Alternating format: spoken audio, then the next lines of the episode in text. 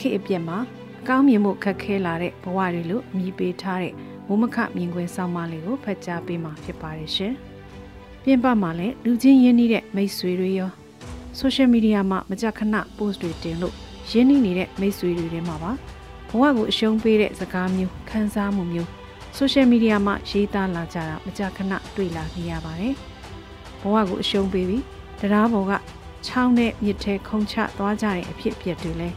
ခုတလောခက်စိတ်စိတ်တွေ့လာနေရတာကလည်းကျမတို့ပတ်ဝန်းကျင်မှာနိုင်ငံရေးစီးပွားရေးကြရက်ရိုက်ခတ်မှုတွေကလူတဦးချင်းရဲ့ဘဝတွေအထိကြီးကြီးမားမားတက်ရောက်နေတယ်လို့ကောက်ချက်ချစရာဖြစ်နေပါတယ်။ဘယ်တော့မှမကြုံဘူးခဲ့တဲ့စိတ်ပင်ပန်းမှုညှော်လင့်ချက်မဲ့မှုဘဝရှေးခီးကိုအကောင်းမမြင်နိုင်တော့တဲ့ခံစားမှုတွေကလူအတော်များများမှာခံစားနေကြရတာပဲဖြစ်ပါတယ်။ဒီနေ့ဒီနေ့စားဖို့အရေးကြိုးပမ်းနေရသူတွေမှာလည်း နိုင်ငံအရေးဘဝရှိရေးအဝေးကြီးမတွေးနိုင်မိမယ်လဲနေ့စဉ်မိသားစုကိုကျွေးမွေးနိုင်မှုနှစ်သက်ထက်နေနေတဲ့ကုန်စည်နှုန်းကြီးမြင့်မှုနွန်တွေကရုံးထွက်နိုင်မှုပြင်းထန်ကြိုးစားနေကြရတာဖြစ်ပါတယ်။ခုလိုဒုက္ခတွေအခက်အခဲအကျက်တဲတွေဘဲကဘဲကမြစ်ဖျားခံလဲလို့မေးလာခဲ့ရင်ယမန်နေ့ဖေရိုင်လတရက်နေ့ဆီယနာသိမ်းမှုလို့ဆိုရမှာပဲဖြစ်ပါတယ်။ဆီယနာသိမ်းမှုက မြန်မာနိုင်ငံရဲ့စီးပွားရေးနိုင်ငံရေးပြန်လည်တည်ဆောက်မှုတွေငင်းချမ်းရေးကြိုးပမ်းမှုတွေကိုဖြိုချလိုက်တယ်လို့ဖြစ်စေပြီးဆီယနာသိမ်းမှုပြီးပေါ်ထွက်လာတဲ့ဆန္ဒပြမှုတွေကိုအင်အားသုံးပြစ်ခတ်နှိမ်နင်းမှုကနိုင်ငံရေးအရာအစွန်းရောက်ဖို့တွန်းပို့ခဲ့တာဖြစ်ပြီးတော့လက်နက်ကိုလက်နက်နဲ့အနိုင်ယူရတော့မယ်ဆိုတဲ့လမ်းကြောင်းကလူကြိုက်များတဲ့နိုင်ငံရေးလမ်းကြောင်းဖြစ်လာခဲ့တာပါအယူအဆမတူညီမှုတွေကိုနိုင်ငံရေးရဖြည့်ရှင်းရေးအယူအဆတွေက ရေပန်းမစားတော့တဲ့စကလုံးအယူအဆနဲ့အကျိုးမျောကိုပြီးရက်တီချက်မခိုင်မာသူလို့ယူဆလာကြတာတပြေးပြေးနဲ့အင်းအားနဲ့အဆုံးဖြတ်ရယူကြဖို့ဦးတည်ပြီးအဆုံးသက်ချေမုံရေးစီဦးတည်လာကြတဲ့ကာလတည်ငြိမ်မှုတရားဥပဒေစိုးမိုးမှုဟန်ချက်တွေပျက်စီးကုန်ပြီးနိုင်ငံရေးအာဏာစုပ်ကိုင်ထနိုင်ရေးအတွက်လူအသက်တွေတက်ဖြစ်တာနေအိမ်တွေမိရှုဖျက်ဆီးတာကလေးအရွယ်ပြစ်မရှိသူတွေရော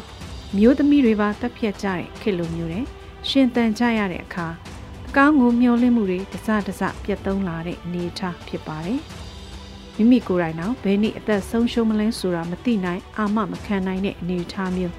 သေခြင်းနဲ့ရုတ်တရက်မျက်နှာချင်းဆိုင်တွေ့ဆုံရနိုင်ခြင်းရှိတယ်ဆိုတာမျိုးဒီနေ့ကာလမှာလူအများပြားစဉ်းစားတွေးတောမိလာတာဖြစ်ပါတယ်။ကိုယ်တိုင်လည်းနေ့စဉ်လုပ်ငန်းဆောင်တာတွေလှုပ်ဆောင်ဖို့အပြင်သွားရင်ခရီးသွားနေရင်ကြည်စံကြောင့်မိုင်းပေါက်ကွဲမှုကြောင့်သေဆုံးနိုင်တယ်လို့ လမ်းထိပ်ထွက်ရင်လည်းတစုံတစ်ခုကြောင့်ပြစ်ခတ်ရင်ကြီးထိမှန်သေဆုံးနိုင်တာပါ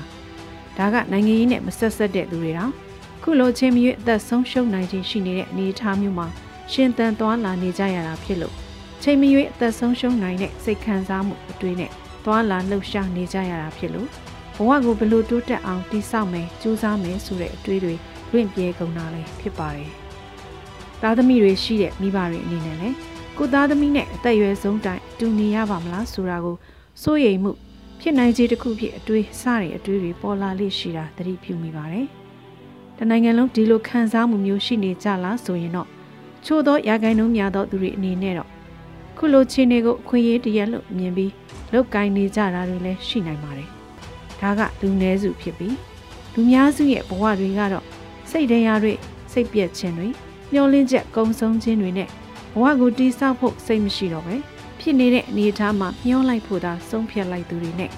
ချို့ကပိတ်လောင်မွန်းကျက်မှုစိတ်အခြေအနေကထွက်ပေါက်မရှိတဲ့အခါမှာအဆုံးစီရင်တာတွေဖြစ်ပွားလာကြတဲ့အခြေအနေတွေပဝန်းကျင်မှာတွေ့နေရတာဖြစ်ပါတယ်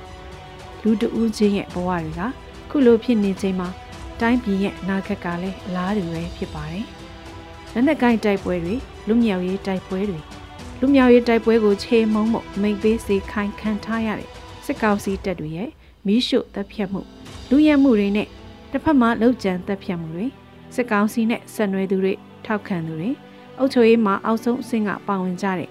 ရက်ကွက်ကြီးရွာအုပ်ချုပ်ရေးမှုရာအိမ်မှုလိုလူတွေကိုလောက်ကျန်တပ်ဖြတ်မှုချင်းနီးလန်းနဲ့တုံ့ပြန်နေကြတာတရားဥပဒေမရှိတော့တဲ့အနေအထားလို့ရာဇဝတ်မှုတွေနေ့စဉ်လို့လို့မြို့ပေါ်မှာနေတွေကြီးရွာတွေမှာကြဲကြဲပြက်ပြက်ဖြစ်လာတဲ့အခြေအနေအောက်မှာမိမိကိုယ်တိုင်လဲချိန်မရွေးသေးဆုံးနိုင်တယ်ဆိုတဲ့အတွေးဟာ နေ့စဉ်ဆိုသလိုမတွေးမိပဲမနေနိုင်တဲ့အနေအထားဖြစ်နေပြီဖြစ်ပါရဲ့ရှင်။